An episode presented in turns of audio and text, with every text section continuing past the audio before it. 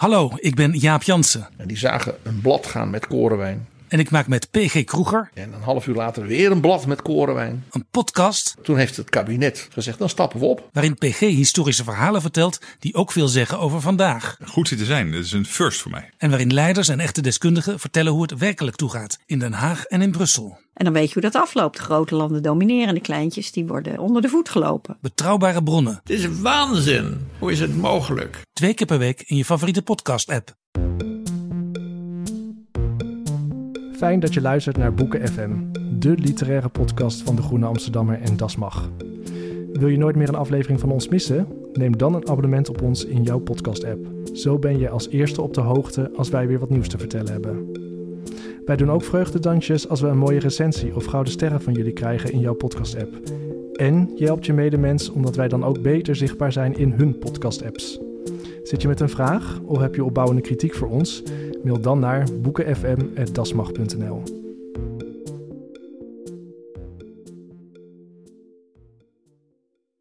Ik heb het net als jij denk ik in twee dagen uitgelezen. Ik had het er een dag eens gewoon- uitgelezen. Ja, nee, jij hebt gewonnen. Oké, nee, prima. Ehm, er kan er maar één de snelste zijn. En dat ben jij. En Welkom bij Boeken FM, de literaire podcast van Das Mag en de Groene Amsterdammer. Vandaag gaan we praten over Drie Vrouwen van Lisa Tadeo. Een openbaring, meeslepend, een meesterwerk, wonderbaarlijk, fascinerend. Zomaar wat superlatieven die dit debuut krijgt toegedicht. In deze aflevering gaan wij ons eigen licht laten schijnen over, over dit boek. ik moest, ik dat duurde echt heel lang.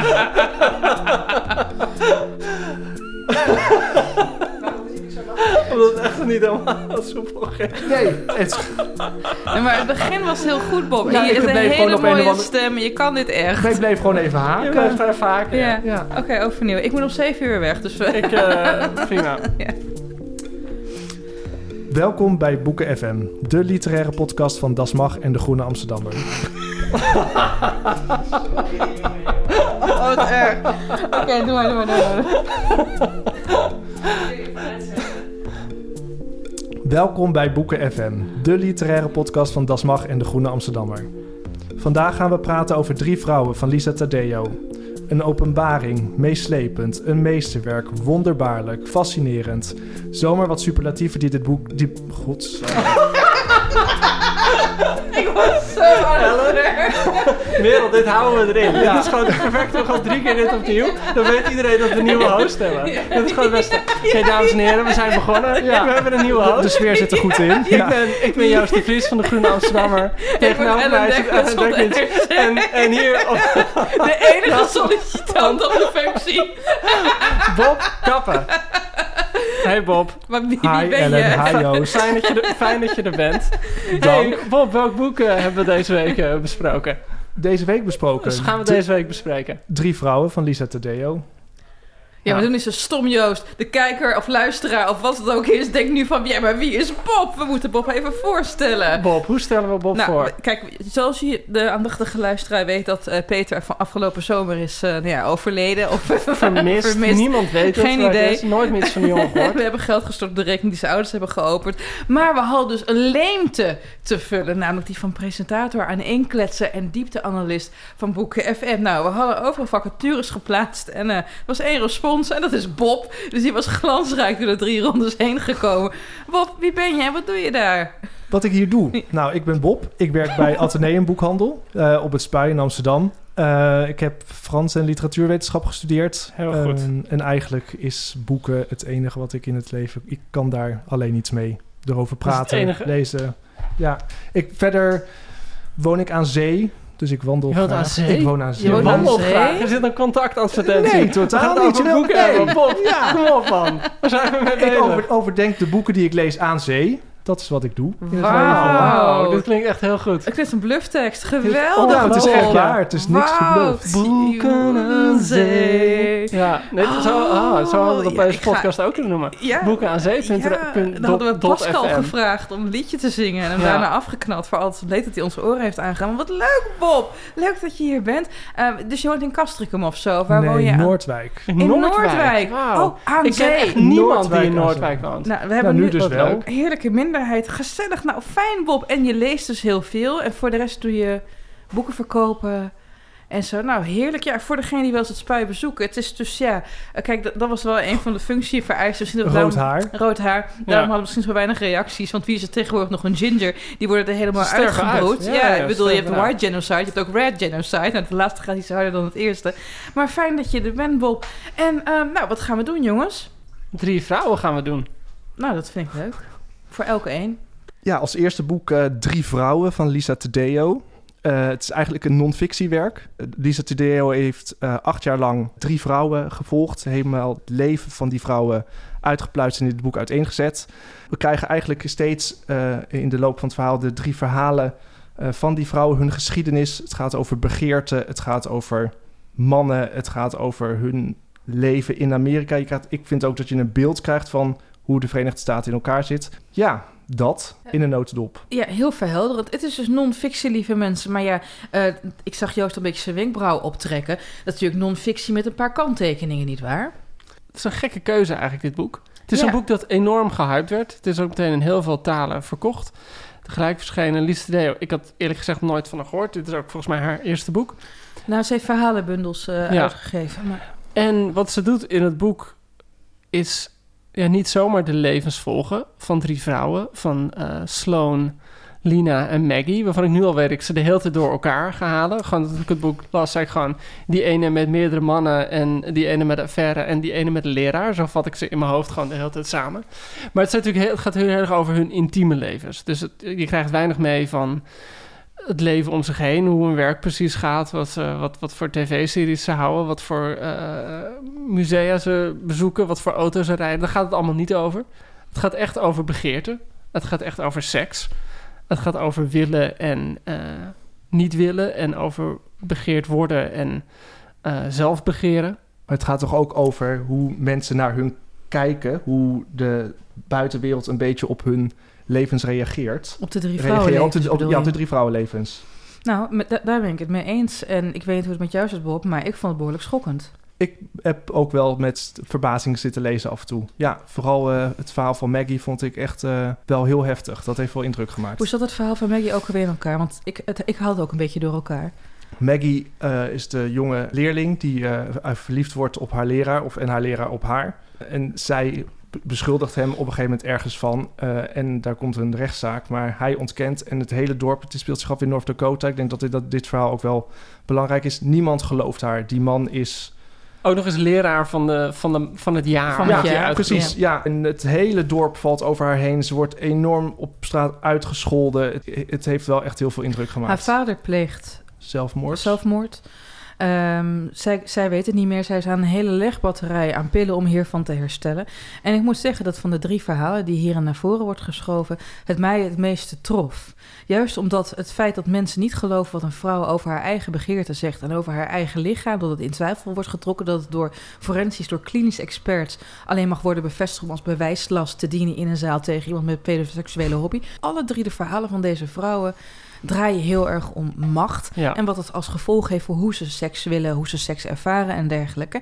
En in het geval van Maggie, ze wordt niet geloofd. Wat ze ook over haar ervaringen vertelt. En ehm, ik trok eh, toen ik dit boek opensloeg. En ik weet, la- laten we misschien ook al een beetje een tipje van de sluier oplichten. hoe gelukkig we waren toen we dit boek lazen. Ik heb dit boek in één dag gelezen. En ik wilde mezelf na afloop aanhoudend in het gezicht stompen. En dat was niet vanwege dezelfde woede over seksisme en vrouwenbehandeling. als ik had na het lezen van de tweede sekse of aanverwanten. Zelfs na het seksdagboek van Helene van Rooyen was ik blijer van aard. Ik weet hoe het met jullie zat, heren. Want de relaties die in dit boek worden omschreven zijn goed deels heteroseksueel. Ja, Sloan, die is af en toe nog wel gezellig van de vrouwen. Het eh, gaat ook heel erg vanuit de vrouw. Hoe was het als, om dit als man te lezen? Ehm, het gekke is, als je het leest... Ik heb, het met, ik heb het net als jij denk ik in twee dagen uitgelezen. Ik had het dag het gewoon- uitgelezen, Ja, nee, jij hebt gewonnen. Je ja. Oké, nee, prima. Ehm er kan er maar één de snelste zijn.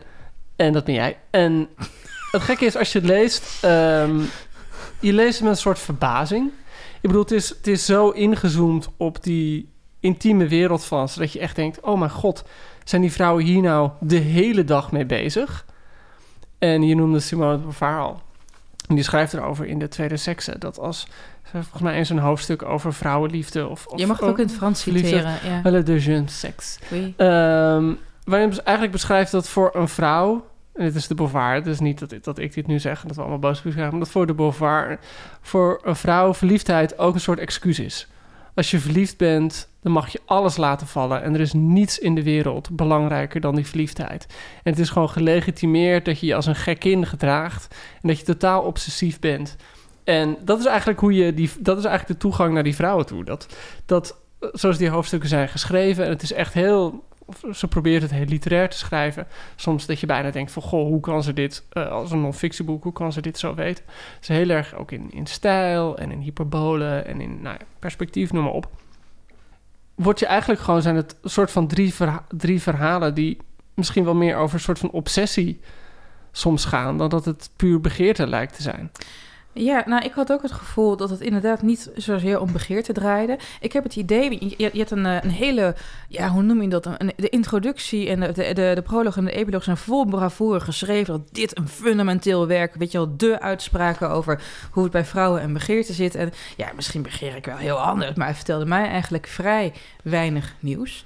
En het gaat veel meer, heb ik het idee, over machtsverschillen. En over hoe uh, de vrouw, zowel door mannen als door vrouwen, ervan wordt overtuigd dat zij geen ruimte in mag nemen. Niet in seksueel, niet in verlangensopzicht. En dat, hierbij komt ook een van mijn grote bezwaren. Zij, die, die Lisa Today heeft ook, zo is het boek ook in de markt gezet, zo is het ook geframed, dat dit een soort van wereldschokkend onderzoek zou zijn. Nou, dat heb ik eerder als ik in mijn eigen broek kijk. Nou, het, is natuurlijk gewoon heel erg bedacht als een, een... En dat is misschien een beetje een fout van, van hoe het gemarketingd, gemarketingd is. Is dat een werkwoord? Is dat een vervoeging? nou, in ieder geval hoe het in de wereld is gezet. Uh, heel erg van, dit is het boek dat uitlegt hoe vrouwen begeren. Ja, en dan heb je drie voorbeelden. Dat is een beetje beperkt. En uh, nou ja, goed, van die drie voorbeelden, wat jij al zei, zijn er twee gewoon strikt hetero en eentje is een beetje bi. Nou, dan, dat is op zich een prima verdeling. Ik bedoel, daar is wel over geklaagd, maar ja, uh, kijk je naar de, de hetero-homo verdeling in de wereld, ja, dan zijn er gewoon heel veel meer hetero's dan homo's. Um, en ja... Uh, ja, maar luister ik, Joost, van die hetero's hebben we eigenlijk al genoeg de stem gehoord, toch?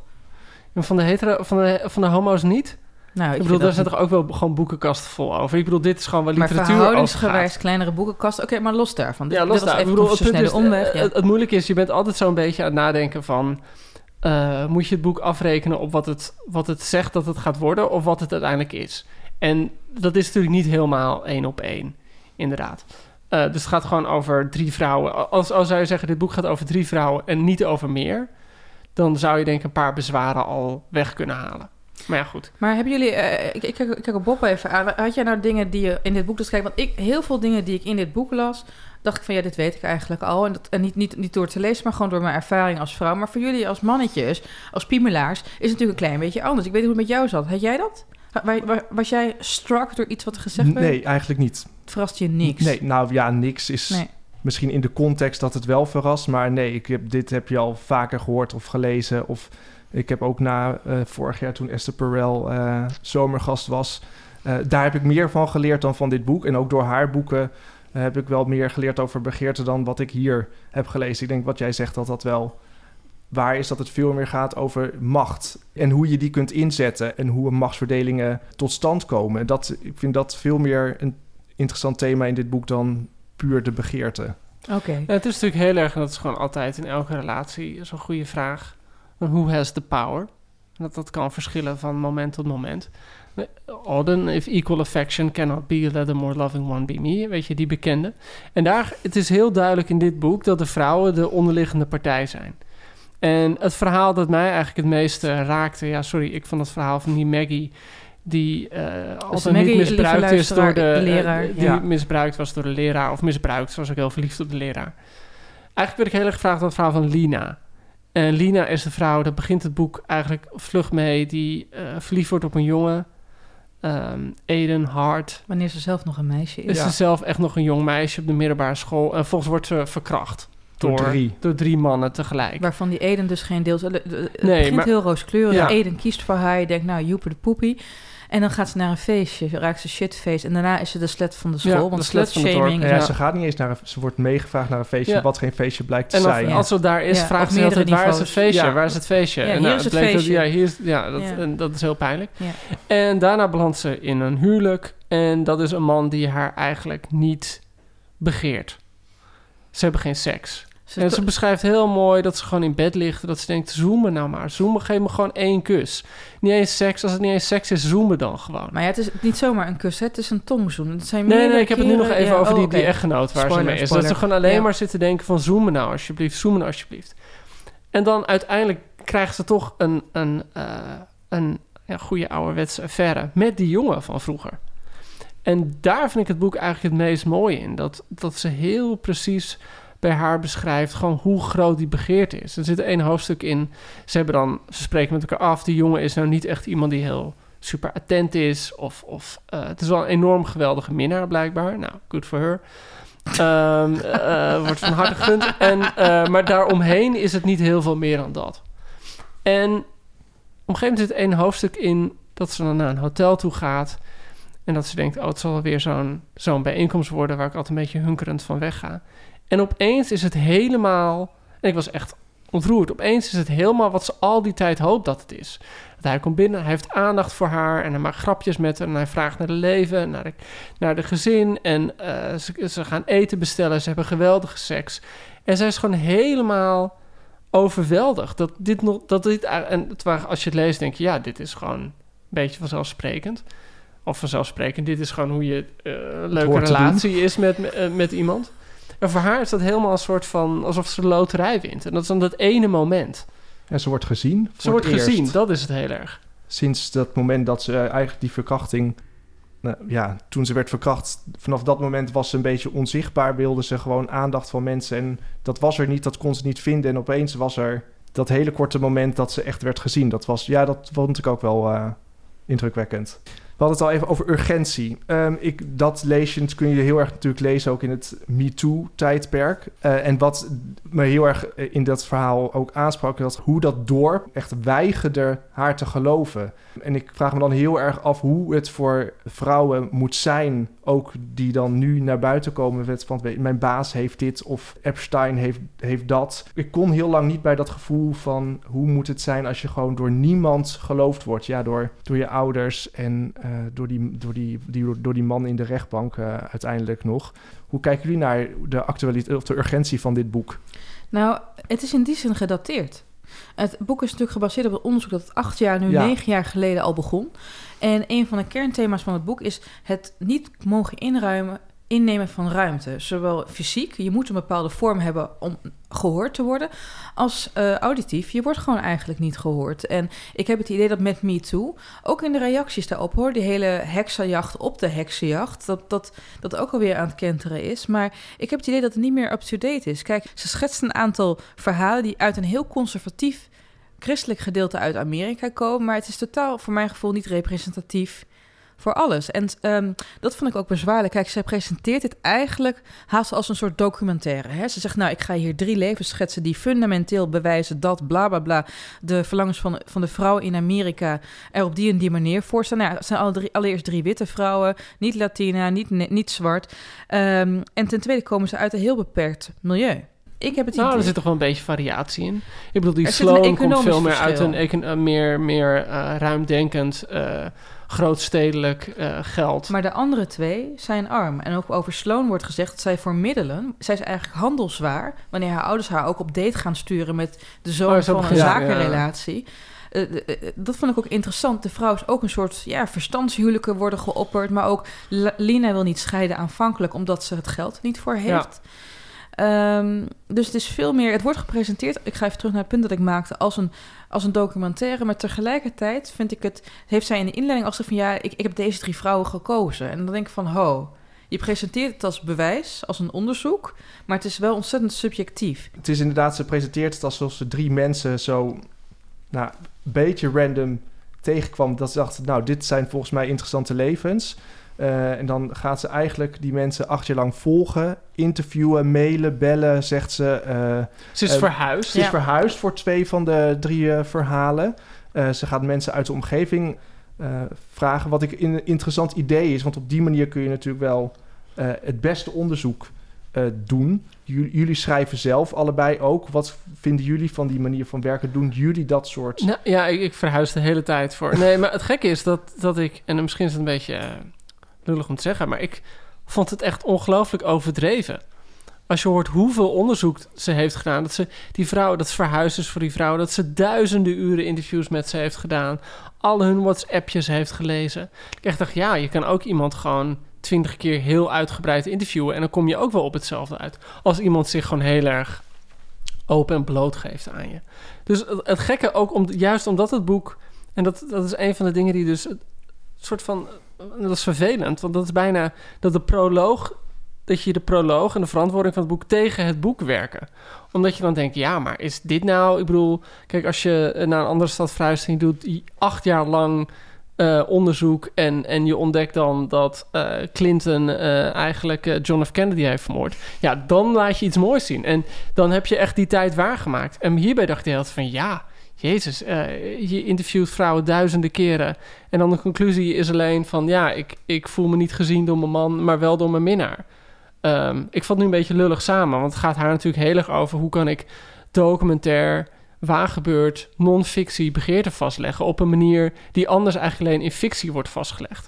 Maar ja, op een bepaalde manier dacht ik, ja, uh, Lisa Tadeo, maar heb ik een beetje too much. Maar heb ik ook het gevoel, uh, op basis van de proloog, dat uh, ze eigenlijk al wist wat ze wilde gaan vinden, nog voordat ze het onderzoek had gedaan.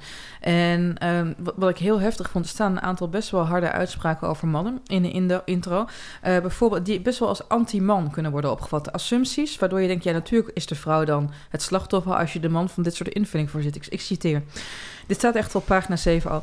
Door de geschiedenis heen hebben mannen de harten van vrouwen op een specifieke manier gebroken. Ze houden van ze of een beetje en dan worden ze het beu en doen ze er weken of maanden over om zich geluidloos los te maken, zich met de staart tussen de benen in het huis terug te trekken, af te drogen en nooit meer te bellen.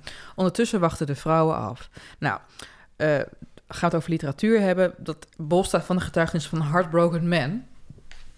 Een schrijver die heeft zichzelf ook opgeknoopt omdat ze werden afgewezen door een vrouw. En ik vind dat hier bij voorbaat een man alleen een bepaalde verdomhoek is gestopt. En uh, verderop lezen we ook: uh, de, vrouw, de vrouw is eigenlijk altijd een, een eeuwig slachtoffer. Over zichzelf schrijft Theo verderop in die inleiding. Ik denk aan alle dingen die ik mezelf heb laten overkomen.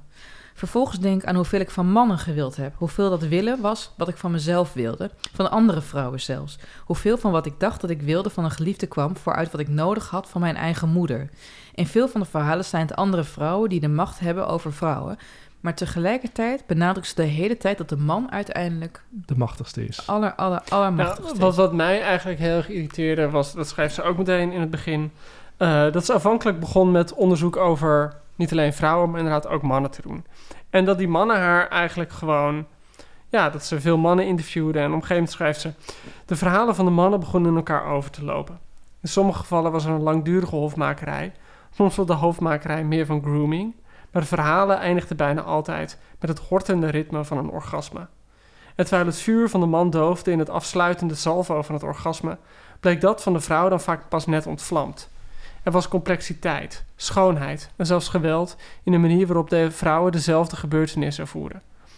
En hmm. toen had ik eigenlijk een beetje moeite om, om door te lezen. Ik bedoel, ik heb het braaf gedaan. Ik bedoel, jij noemde net Bob, jij noemde net um, uh, Esther Perel al. En die zei bij Zomergast vorig jaar van ja, uh, de 20e eeuw was de eeuw van de emancipatie van de vrouw. De 21e eeuw moet de emancipatie van de man zijn. Want uh, we doen eindeloos lang, denken we al na over hoe vrouwen voelen en hoe vrouwen in het leven staan. Maar eigenlijk hebben we nooit nagedacht over hoe mannen voelen en in het leven staan. Dat is een soort van onontgonnen gebied. En als nou, nou ja, luister, bedoel, dat valt dat, dat ook valt wel weer mee. Maar, um, als Lisa Tadeo dan zegt van ja, vrouw, mannen uh, zijn alleen nog geïnteresseerd in het orgasme en daarna interesseert ze niet meer, denk ik ja. Uh, mannen zijn ook wel iets in, ingewikkelder dan dat. Mm -hmm. En als je zegt, ja, de complexiteit en schoonheid uh, vind je alleen bij vrouwen, denk ik, nou, mannen hebben toch ook wel hun complexe kantjes en hun mooie kantjes. Dus op een bepaalde manier is het, is het ja, ik weet niet of het nou per se anti-mannelijk is, maar er wordt wel van, mannen zijn gewoon een soort van de bad guy. Ja. En een soort van de kracht die alleen gewoon in dat orgasme geïnteresseerd is. En meer dan dat zijn ze niet. En dan denk ik, ja, dat, dat je, is voor mij te simplistisch. Heb je je aangesproken gevoeld? Hmm. Nou ja, dus niet aangesproken gevoeld. Eerder dat ik dacht van, uh, ja, uh, ken je ze wel, mannen? Ik ben, ik bedoel, ze staat zelf ook keurig dat ze gewoon getrouwd is. En ik bedoel, denk ze ook over haar man zo. Dat ik ben is... ook wel benieuwd hoe hij dat boek gelezen heeft, inderdaad. Mm. Ja. ja. of nou in ieder geval die inleiding. Ja, ja maar wie zegt dat ze met een man is getrouwd trouwens? Ja, dat weet ik. Dat Oh, weet je, ja, je dat kent weet ik. dat- Nee, maar een collega van mij heeft haar net geïnterviewd. Oh, en ja. ze woonde gewoon ergens met haar gezin. Oké. Eh, en dat was met maar. een man. Ehm, en, en bovendien de mannen in het boek. Ja, die hebben die ene man die geen seks meer met zijn vrouw wil. Dus blijkbaar is die niet alleen maar in zijn eigen orgasme geïnteresseerd. ja. Maar dat komt dan blijkbaar niet door. Dus het, het irriteerde me dat een beetje in, het, in het, het- het- de dichotomie valt van de vrouwen zijn complex en, en interessant en mannen zijn simpel en oninteressant. En dader. Ja, en dader. Ik miste inderdaad. wederhoor, Ja. inderdaad.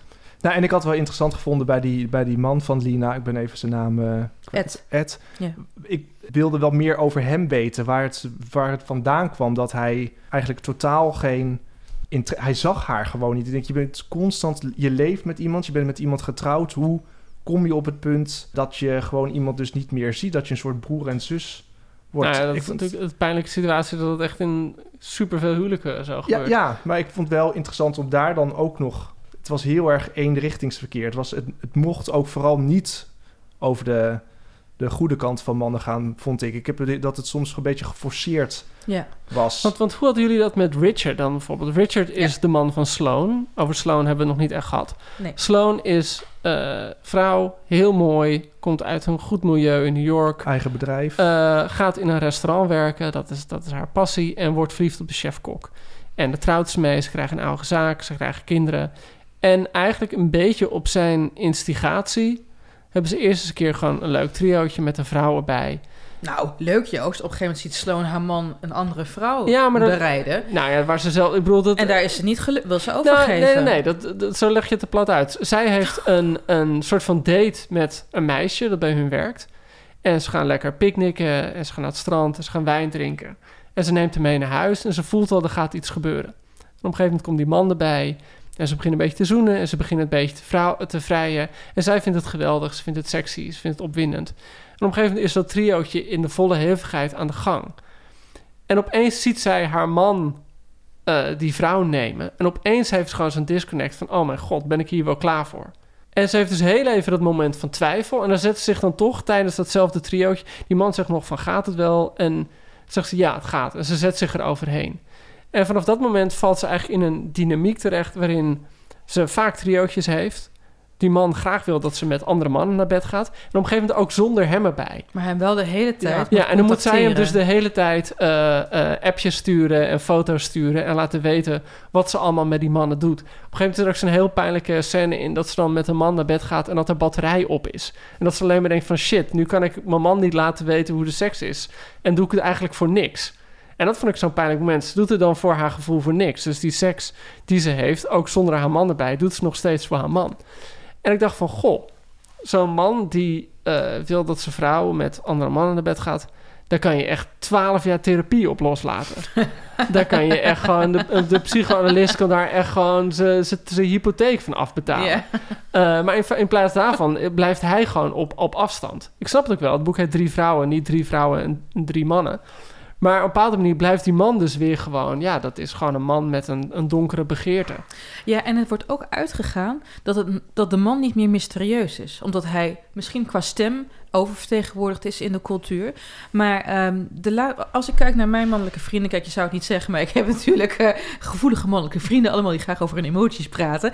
En zij zijn heel erg getroffen toen een paar jaar geleden... de term toxic masculinity eh, in zwang kwam. Weten we allemaal wat dat betekent? Dus dat de samenleving van je verwacht dat je als man... op een bepaalde agressieve, testosteron gevulde manier eh, gedraagt. En ehm, zij zijn eigenlijk nu bezig met zichzelf opnieuw aan het uitvinden, omdat ze niet weten hoe ze als persoon moeten zijn. Ze hebben altijd wel braaf gevoetbald, ze stoer, weet je wel, bier meedrinken en alles, maar ze hebben ook het idee gehad dat ze daardoor een bepaald belangrijk deel van hun emotionele ontwikkeling hebben gemist omdat ze probeerden in dat frame te passen. En ik denk dat daar, zeker met deze Richard, een veel interessantere vraag lag. En, ik, en daarom, omdat zij ook in het begin zegt van het boek van... ik was daar helemaal niet in geïnteresseerd. Die vooringenomenheid dat de stem van een man niet boeiend is... weet ik niet. Ja. Ja. Ik, zat, ik, zat, ik zat net te kijken naar ehm, ehm, My Next Guest Needs No Introduction van David Letterman op eh, Netflix. Is die interviewserie van hem, die echt de moeite waard is. Oké, ja, ik kijk alleen Drunk History. Orange is the New Black. En eh, eh, op een gegeven moment interviewt hij dan Jay-Z. Heel uitgebreid interview. Nou, Jay-Z is met Beyoncé getrouwd. En zoals iedereen weet, had hij een tijdje terug... was hij vreemd gegaan. En stond Ja, natuurlijk zo, Solange hem toch in elkaar ging buiken Ja, in de dat, lift? die had toen Ja, inderdaad de, ja. de beroemde beelden... eh, beveiligingscamera in de lift... waarin Solange, eh, de zusje, van het zusje van Beyoncé. Beyoncé... hem te lijf gaat. Ja. En Dave Letterman spreekt hem daarop aan. Op echt een super... eh, de- ik had er echt bewondering voor. Is dat een hele omslachtige vraag. Dat hij gewoon zegt van... Ik heb... Dave Letterman staat er bekend om... Hij heeft ook een affaire gehad. Die is toen... eh, Geshamed. nou, geprobeerd te chanteren. Die, de vrouw met, en dat, toen heeft hij dat gewoon midden op tv live heeft hij dat opgebiecht. Van iemand probeert me te ch- te chanteren. Ik heb dit en dit gedaan, daar heb ik spijt van. Nou, was best wel een dingetje. Ehm, en dat vertelt hij over. Van ik heb de mensen die me meest nabij zijn, heb ik pijn gedaan. En alles wat me dierbaar was, heb ik op de waagzaal gelegd. En zo heeft hij het erover. En dan zegt hij tegen Jay-Z Lane van misschien kan je daar iets bij voorstellen. Wat gewoon een hele mooie manier is om een vraag te stellen. Het is een hele mooie manier om zijn vraag te stellen. Want hij kan erop ingaan en hij kan er niet... En je Ja. ziet hem dan, Jay-Z, echt even nadenken. En wat Jay-Z dan volgens uitlegt... dan zegt, begint hij over een nummer dat hij heeft gemaakt. Dan ben ik- 99 Problems. Nee, nee, niet 99 Problems but a Bitch Ain't One. En, maar hij zegt gewoon van... ja, eigenlijk heb ik nooit geleerd... eh pop of, of, of zeker hip-hop draait alleen maar om laten zien hoe stoer je bent. Eigenlijk een soort toxic masculinity. Ja, ja, of je Vrouwen zijn bitches, ja. gewoon ik ben rijk, hou je bek. Gewoon dat. En zei van, ik heb nooit geleerd, eh, zeg maar de eerste 40 jaar van mijn leven... om gewoon een emotie uit te leggen of daar langer over na te denken. En dat hij dat eigenlijk pas sindsdien, of, of sinds de laatste jaren... dat hij opeens gedacht heeft van, goh, waarom heb ik mensen pijn gedaan? Kan ik, kan ik dat voor mezelf uitleggen? Maar waar komt, dat waar komt dat vandaan? Dat de samenleving zo, dit zo erg van mensen vraagt? Nou ja, Het, het in stand houden van machtsstructuren. Dus je, je, je, je, je, je wordt gehoord als je aan een bepaald vreemd, in dit geval witte man, of eh, ja, zwarte man, eh, eh, Jay-Z, echt zo'n typische witte man. Ja. Maar, maar, maar dat zorgt ook voor een identiteitsdrama bij de mannen. Want niemand kan daar helemaal aan voldoen. En het zorgt er ook voor dat je, dat, dat, er, eh, dat je bepaalde emotionele ontwik- ontwikkeling mist. En ook, er wordt ook van je verwacht dat je je in liefdesrelaties, net zoals dat van vrouwen wordt verwacht, op een bepaalde manier opstelt. Waardoor je je niet kwetsbaar kan betonen. En ik denk dat daar eh, ontzettend veel ehm, verlies ligt. Dat zie ik bij mijn mannelijke vrienden. Wat me heel erg trof een paar jaar geleden was dat, nou, dit is alweer tien jaar geleden, maar omdat ik oud aan het worden ben, lijkt alles veel Ja, ja, lijkt, lijkt allemaal... percentueel korter geleden. Ja, dus niks, niks, niks. Eh, een goed deel van mijn mannelijke vrienden, en daar was er eentje bij, die was echt zo'n rugby-speler. Er was een fotomodel, er was een balletdanser bij, eh, een, een aantal mannen die alleen op mannen vielen, biseksueel, noem maar op. Eh, black, white, queer, bla. En die hadden allemaal geen idee tijdens een feestje hoe ze man moesten zijn.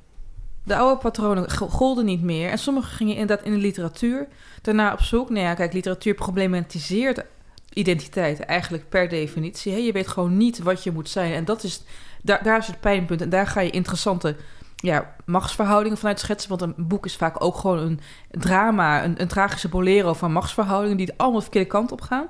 Maar ehm, dit boek gaat gewoon nog steeds van die platheid van een man uit. En daar werd ik plaatsvervangend verdrietig van. Ja, ik ook. Het idee van mannelijkheid is natuurlijk dat het van echt, zeg maar, de, de macho-mannelijkheid van John Wayne, van Clint Eastwood. Ja, Al zou, je, al zou je aan ja. hun vragen wat betekent om een man te zijn, dan zou ze zeggen, Hè, waar heb jij het nou over?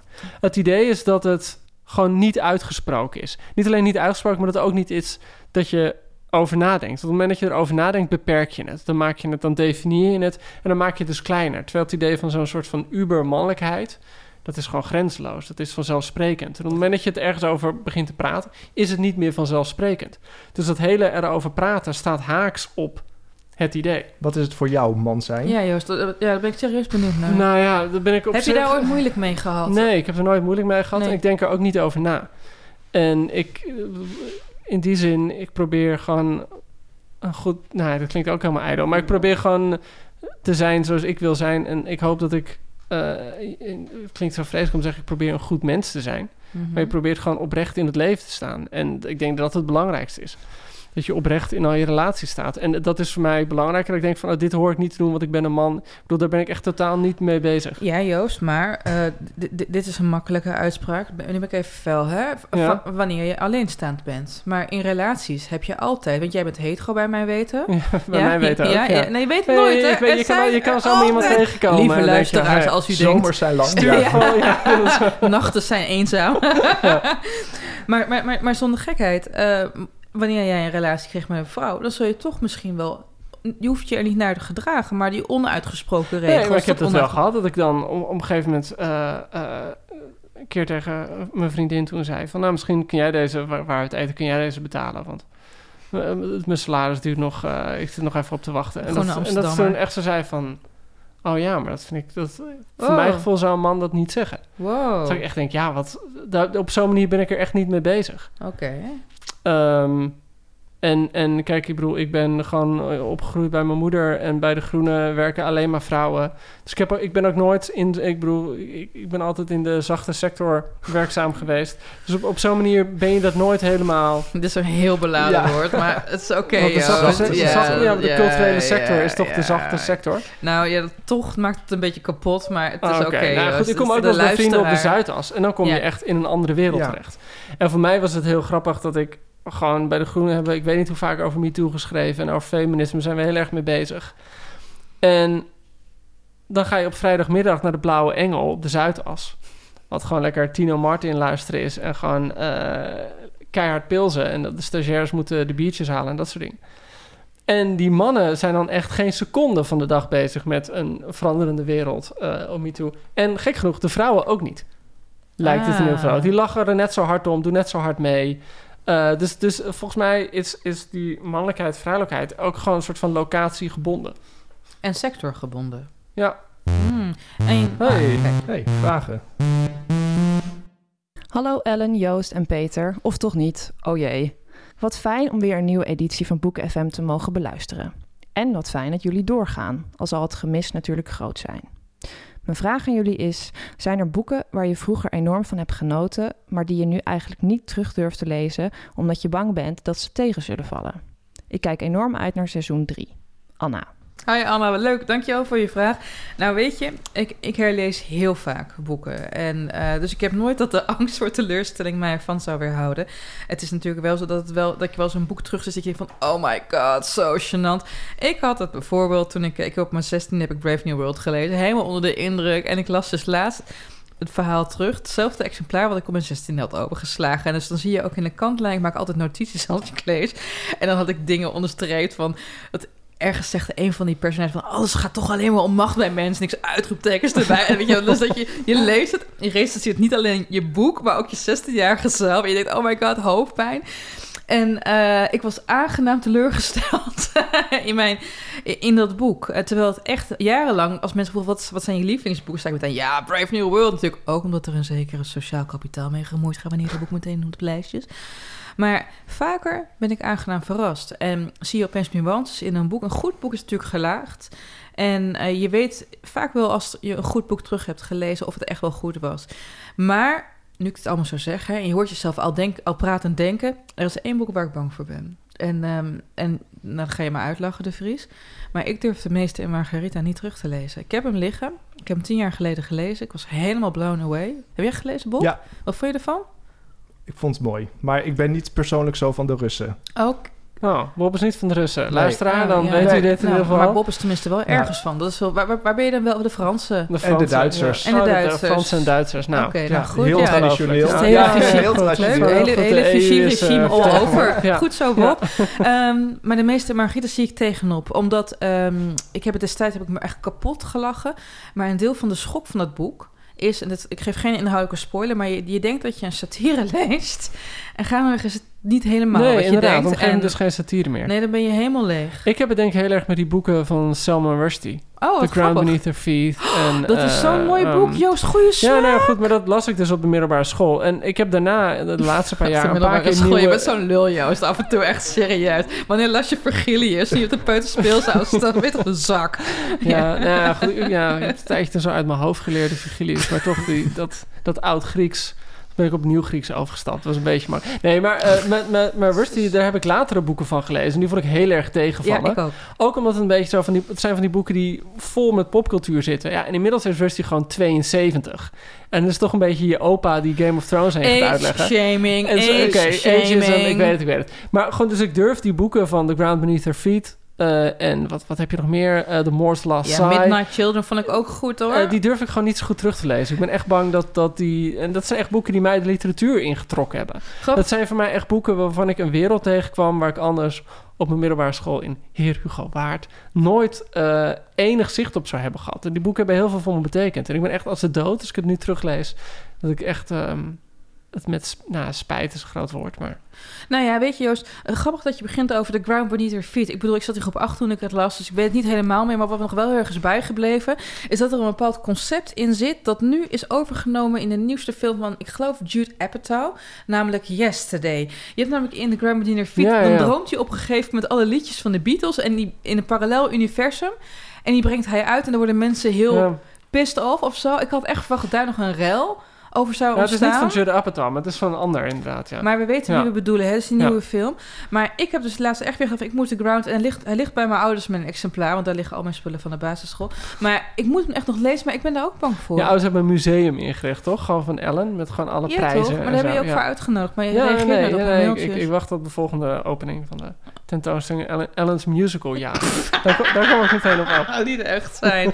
Bob, heb jij dit? Nee, eigenlijk andersom. Wow. Ja. Hoe kan je het Dat je boek voor de eerste keer leest. Nee, dat je gewoon dat je her, dat je denkt. Ik, ik was eh, op de middelbare school had ik een groot hekel aan eh, Harry Mulisch. Wat? Oh ja, wie niet? Ja, eh, ik was een groot Reven-fan. De Reven had ook in Veenendaal gewoond. Nee. Daar, kom, eh, daar kom ik van. Daar Kom had je ik uit op. dus- Veenendaal? Ja, zeker. Oh jee, maar ben je ook helemaal grevel Jezus opgevoed? Nee, nee, nee, nee, nee. Mijn ouders komen niet vandaan, dus ik ben gewoon eh, Normaal. normaal. Eh, en toen dacht ik van... Voor de ik- luisteraars in Veenendaal. Ah, een grapje. Ze kennen me allemaal. Ze kennen je allemaal, ja. Ja. Ehm, ik, Moeders, dat was het gewoon niet voor mij. En al mijn collega's die waren erg enthousiast. En toen dacht ik, nou, ik ga het toch nog een keer proberen. En toen dacht ik, wauw, Ja. Bij wat welk is het boek goed. dan? Nou, twee vrouwen heb ik altijd wel eh, eh, oké gevonden. Eh, maar de procedure... Drie vrouwen niet. Drie vrouwen niet, nee. Twee vind, ik, twee vind ik meer dan genoeg. Ik vind twee vrouwen meer dan genoeg. Nee, de, de procedure dacht ik, dacht, ja, het is wel... En toen ben ik eigenlijk de, bijna de hele zomer heb ik heel veel van Moelis herlezen. En ik vond het echt fantastisch. Ik dacht, En waar zat het dan in? ja, ik, ja ik, ik- soms moet je klaar zijn voor boeken. Dat wordt dan wel eens gezegd. En soms ben je Ja. gewoon nog niet er klaar voor. En ik weet niet waarom ik dan wel klaar was voor Reven. Dat begrijp ik dan misschien achteraf. En misschien valt Reven nu dus... Die durf ik dus eigenlijk niet te herlezen. Want ik dacht, denk misschien valt dat wel heel erg tegen. Ik liep net in de Oude Mannensport. Ik zag Lieve Jongens liggen. Dat vond ik echt een heel indrukwekkend boek. Maar dat zou ik denk ik dan toch niet durven herlezen. Denk, misschien valt dat dan wel weer tegen. Het is grappig, hè? Het is net alsof je op Facebook je jeugdliefde opzoekt. En dat je denkt, moet ik die enterknop nu intoetsen of niet? Want Ik heb zo vaak dat ik ze niet meer kan vinden. Dan zit ik ze te googelen en dan... Dat Dan komt door het alleen een of andere... Ja, ze verdwijnen gewoon spoorloos. geblokkeerd of Ja. zo? Wat is dat? Dat je alleen een of andere vage LinkedIn kan vinden of zo. Omdat Ik ze jou, denk, jou allemaal geblokt hebben. Dat kan zijn ze allemaal ook. getraumatiseerd ergens door? Dat ze niet op social media doen? Wat, Ja, die baalden zo dat ze moesten betalen, Joost. ja, nee, oké, ja. Nee, dus dat. Zijn er meer vragen nog? Hoi Boeken FM. Ik heb de hele zomer jullie boekenpodcast gebinge luisterd. Ja, ik was er laat bij, maar ben daardoor niet minder fan, integendeel. Het valt me op dat jullie vaak westerse literatuur bespreken. Uiteraard uit Nederland, maar ook veel uit Engeland en Amerika. Mijn vraag is, lezen jullie ook niet-westerse literatuur en hebben jullie aanraders? Groetjes, Sophie. Leuk dat je hebt gebuncht. Ah, vind ik eh, eh, heel fair. En terecht de vraag. Kijk, we zijn het uiteindelijk begonnen met dit bedoel ik deze ramp. Om eh, iets te zeggen over Nederlandse literatuur. Maar al gauw breidde het zich toch uit naar onze ja, Anglo-Saxische vrienden. Maar als ik je wat mag gaan tippen. Hè, ehm, ik heb net ook de zomer door Japan getrokken. En ik heb eh, klei- kleine achtergrond. Ik kom uit een Indische familie. En daarbij is alles wat met Japan te maken heeft zwaar verboden. Want mijn grootouders hebben in een Japankamp gezeten. Gevolg. Mijn broers, zus en ik hebben onze hele jeugd alles verzameld wat met Japan te maken had. Want je moet ergens toch obstinaat in zijn. Klopt dat wat ik zeg? Obstinaat? Ja, niet Ja, recalcitrant. Ja, recalcitrant, gewoon vervelend.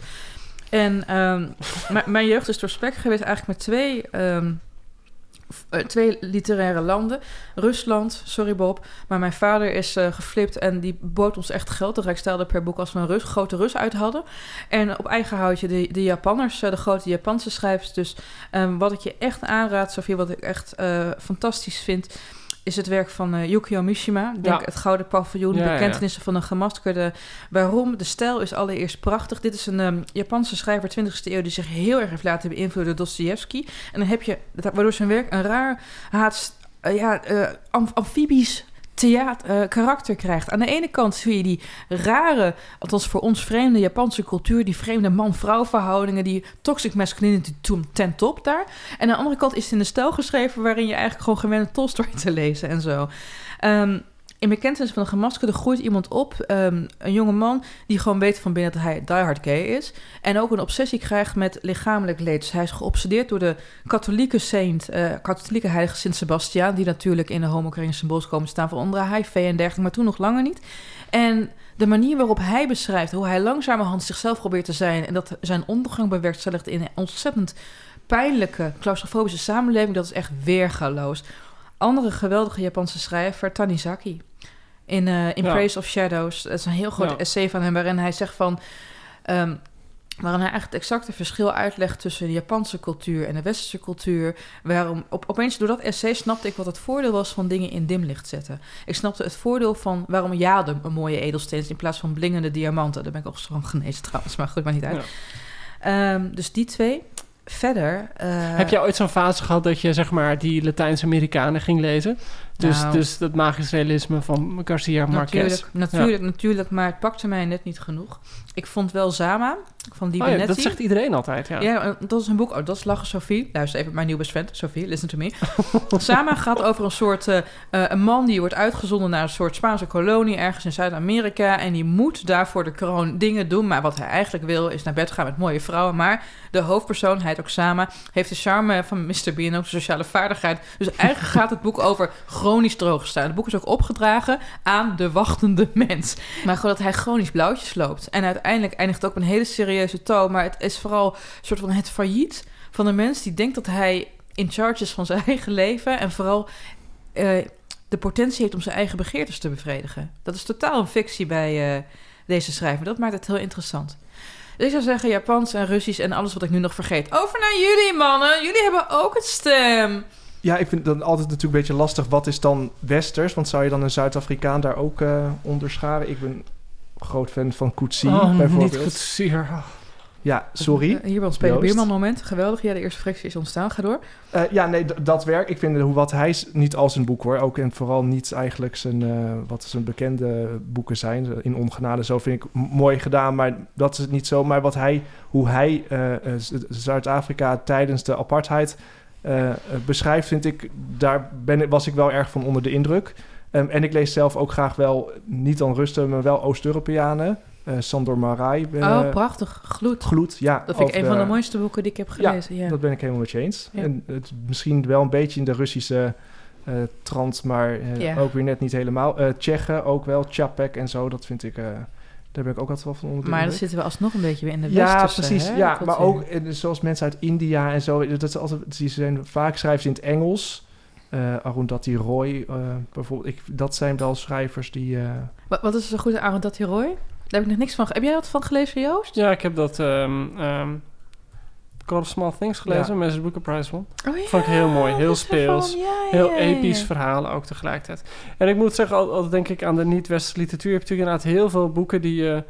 Nou ja, neocoloniaal kan, kan noemen. Maar je hebt natuurlijk heel veel van die boeken die echt die onafhankelijkheid en, en beschrijven. Het moment dat die landen losraken van de westerse wereld. Je hebt natuurlijk zeker bij India heb je Naipaul en Rusty yeah, yeah. en Anandat Roy. Dat is echt zo'n literaire traditie uh, die heel bevrijdend kan worden. Dat is vaak veel epischer dan uh, veel, ja... Um, mythischer ook bij Mythischer Rusty, ook heel erg. Zeker bij Rusty, die, die grens ook een beetje op dat, dat magisch realisme... wat je dan ook weer bij Kirsty... Ik heb op een gegeven moment heel veel boeken gelezen... van een uh, aantal verschillende Zuid- en Latijns-Amerikaanse uh, schrijvers... die eigenlijk heel erg die jaren 60, jaren 70, jaren 80 beschreven. Die momenten dat die eigenlijk de groenta's daar de macht ja. krijgen... en een soort van Latijns-Amerikaanse diaspora op gang komt. Op een gegeven moment echt zo'n fase dat ik helemaal into Roberto Bolaño was.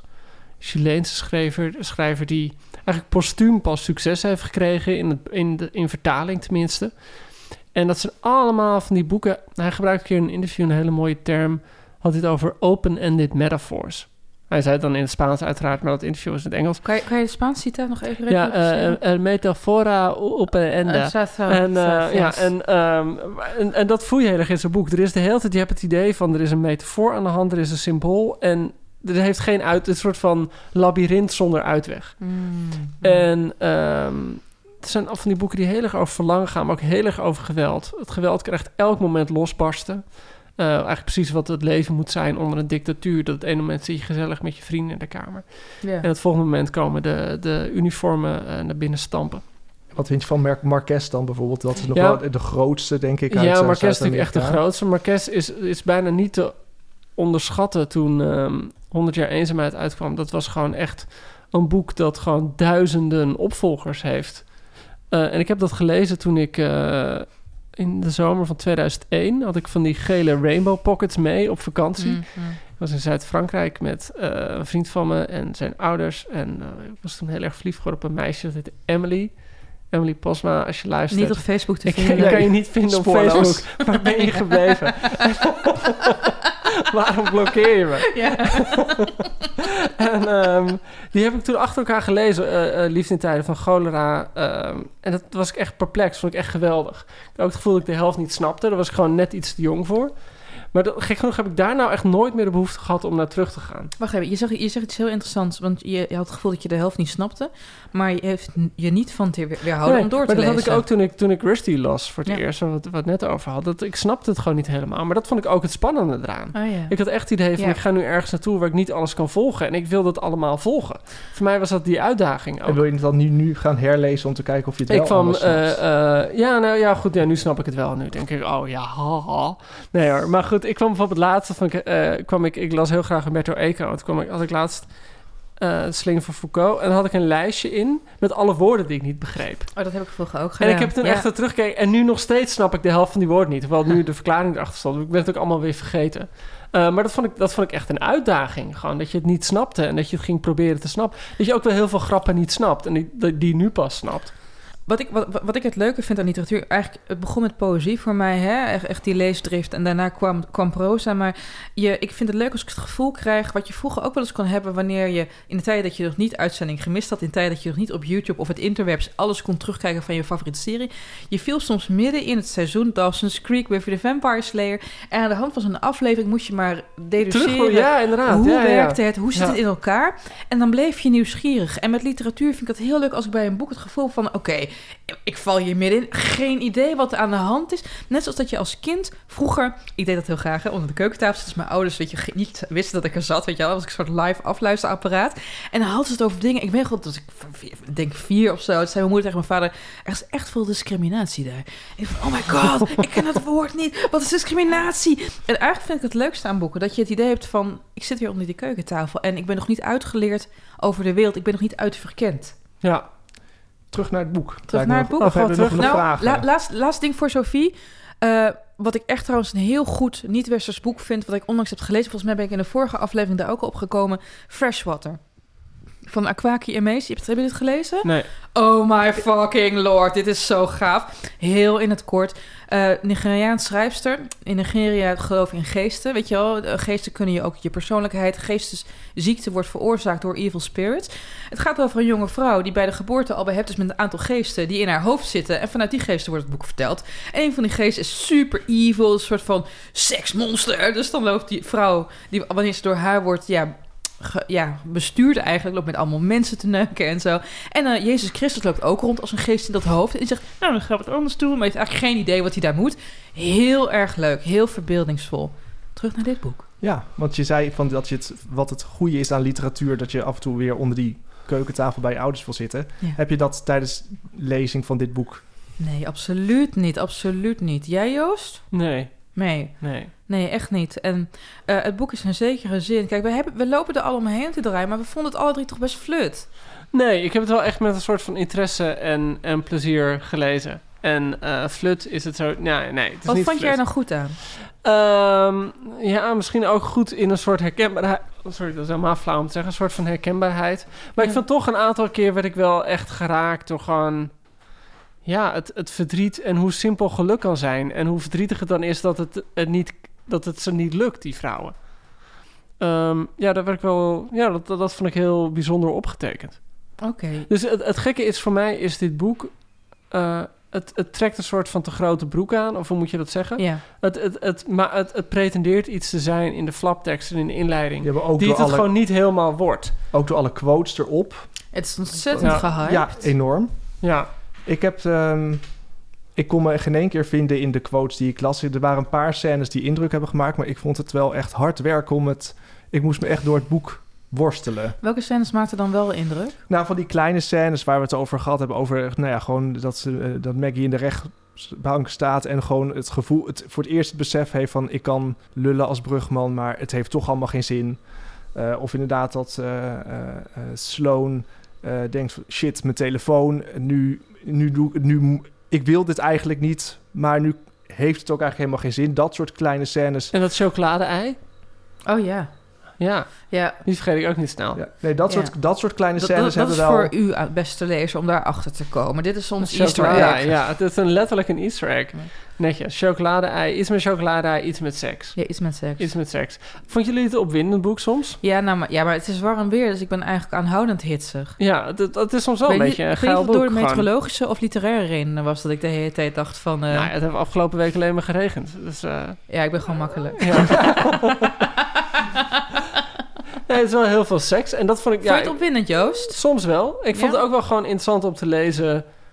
Ehm, gewoon al die gedachten die die vrouwen hebben bij de seks. Niet dat je die als man niet hebt. Maar dat chocolade bijvoorbeeld heel grappig. Nou ja, ik, ik weet niet wat ik, wat ik kan verklappen. Maar ehm, eh, gewoon al die, die, Dat je denkt van die vrouwen van hou, houden ze wel eens op met denken gewoon.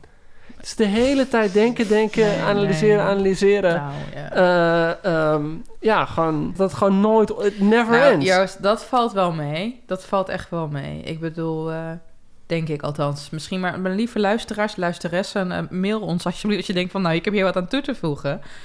Maar ehm, ja, het is net zoals met die film What Women Want. Hè? Dan kan een man best alle gedachten horen van vrouwen. Kan god, dat is ook een film die nu niet meer zou kunnen. Nee, dat kan niet meer. En dan hoort die man, dan gaat hij met een meisje naar bed... en dan hoort hij, terwijl hij met haar de liefde brengt... de hele tijd wat ze aan denkt. Van, oh, morgen naar de sportschool. Oh, vanavond de DVD met een kijk. Oh my god, lalala. Oh, mijn seks dat hebben we ook leuk. Weet je heb ik mijn kat eten gegeven? Et cetera, et cetera.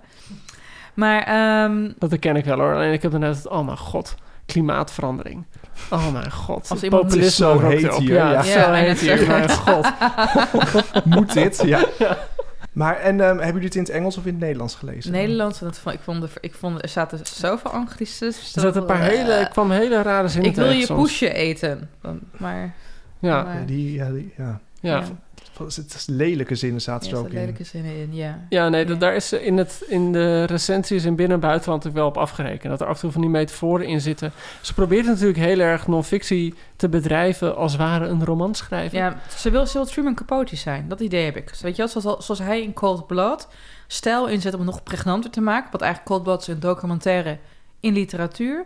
Ik denk dat hier die ambitie even groot Kennen is. jullie Thy Neighbor's Wife van, Oh. van Gay Talese? Nee, vertel, vertel. Ja, Talese spannend. is, is denk ik 90 inmiddels. Staat bekend omdat hij altijd een prachtig pak draagt en een hoed op. En dat is een van de laatste overlevenden van de New Journalism. Dus die Ja. school van journalistiek in de jaren 60 en 70. Waarin de kunst was om journalistiek zo literair mogelijk op te schrijven. En hij heeft een waanzinnig boek geschreven. Ik denk in 19, zeg maar rond 1980, eind jaren 70. Het heet Thy Neighbor's Wife. En het gaat eigenlijk over, nu wordt het gezien echt een soort van bijbel over de seksuele moraal in het pre-AIDS tijdperk. Het gaat heel erg over hoe die goede middenklasse, die eigenlijk allemaal de jaren 60 hebben meegemaakt en nu gezinnen stichten, aan de lopende band vreemd gaan. En hij gaat naar Swingers Club. Hij doet ook heel erg mee met alles. En toen zij begon, dus het idee met dit boek, toen is ze naar Gay Talese toegegaan. Dit heeft ze in verschillende interviews eh, verteld. En toen zei haar tegen haar van ja, maar als jij dit boek wil schrijven over vrouwelijke begeerte en over overspel, moet je ook gewoon zelf vreemd gaan. Zou je ook zelf naar die swingers club, zou je Mm. gewoon mee moeten doen. En op een bepaalde manier proef je een beetje aan Lisa Tadeo dat ze daar toch te keurig voor is. En dat mis je een beetje in het boek. Dat ik echt dacht van, je bent de hele wereld over, of de hele wereld, het land, zes keer heen en weer gereisd. Je bent naar verschillende plekken. Ge... Had je niet veel dichter bij huis kunnen zoeken? Ik Bij je waar- buurman. Bij je buurman gewoon. Eh, waarom? Ja, het- had gewoon... Ik, ik weet niet. Het is, het is... Op een bepaalde manier is het keurig. En je voelt een beetje dat die vrouwen daardoor... een soort studieobjecten worden. Ja, het is een beetje gekunsteld. En volgens mij zei je Ellen ook aan het begin van... eh, het voelt al alsof ze van het begin af aan wist... welke conclusies ze wilde trekken, waar ze heen wilde. Ja. Het, het, het leven is een beetje uit het eh, boek geschreven op die manier. Het is te, te geforceerd.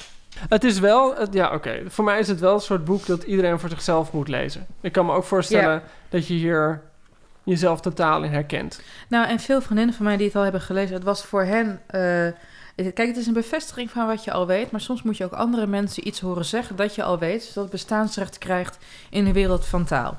En zeker een aantal vriendinnen van mij die, eh, die, eh, die, die in de 50 zijn, zeggen van, oh, eindelijk wordt dit weer eens even hoppakee Ja. op papier gezet. Dus het heeft, het heeft wel een meerwaarde, maar als onderzoek, en zo wordt het ook gepresenteerd, ik ga dan meteen denken van, ja, het is niet valide. Waardoor ik minder enthousiast daarover ben. Hebben wij een blurb hiervoor bedacht, kids? Ik probeer het een slechte blurb te maken.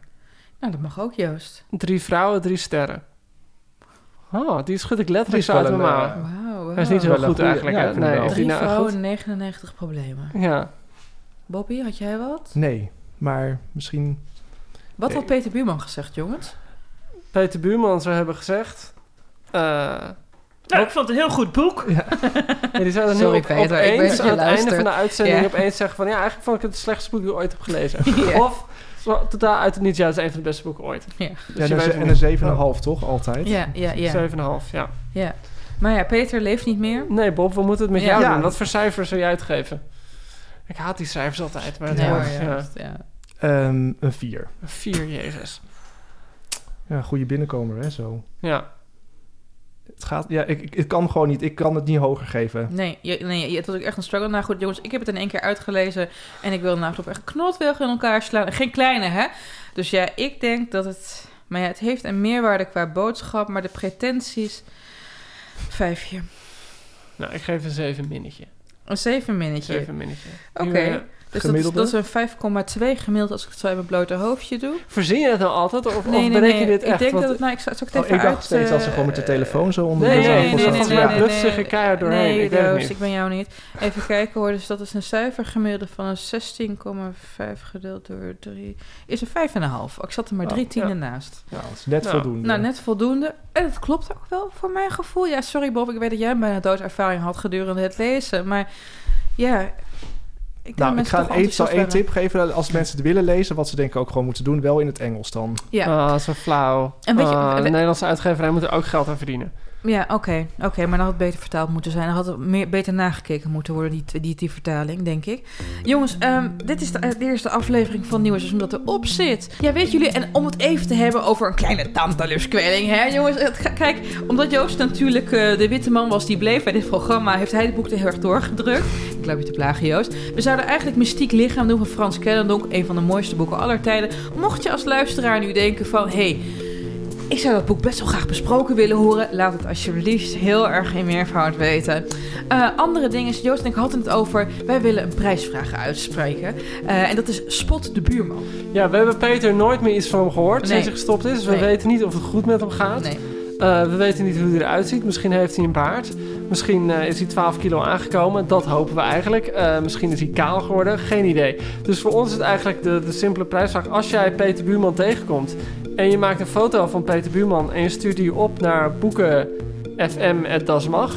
Merel, is dat denk ik het e-mailadres? Boekenfm.dasmag. En dan kan je het boek winnen van deze week. Ja. Stuur mij toe. Dus spot Buurman. Kun jij hem nog vinden op, eh, op eh, Facebook, Joost? Heb je dat geprobeerd? Nee, het is, hij heeft, het is heel gek. Hij neemt ook niet meer op. Nee, hij is Heel helemaal raar. weg. Hij is helemaal Heel weg. raar. Bob, dankjewel voor deze Nee, maar vuurproef. eigenlijk moet Bob dat tegen ons Ja, zeggen. dat is waar, overnieuw. Bob, jij moet het even... Overnieuw. Ellen, bedankt Dankjewel. voor deze vuurdoop van mij. Ik heb er erg van genoten. Top. Dankjewel, Joost. Yes, Bob. Tot de volgende keer. Tot de volgende keer.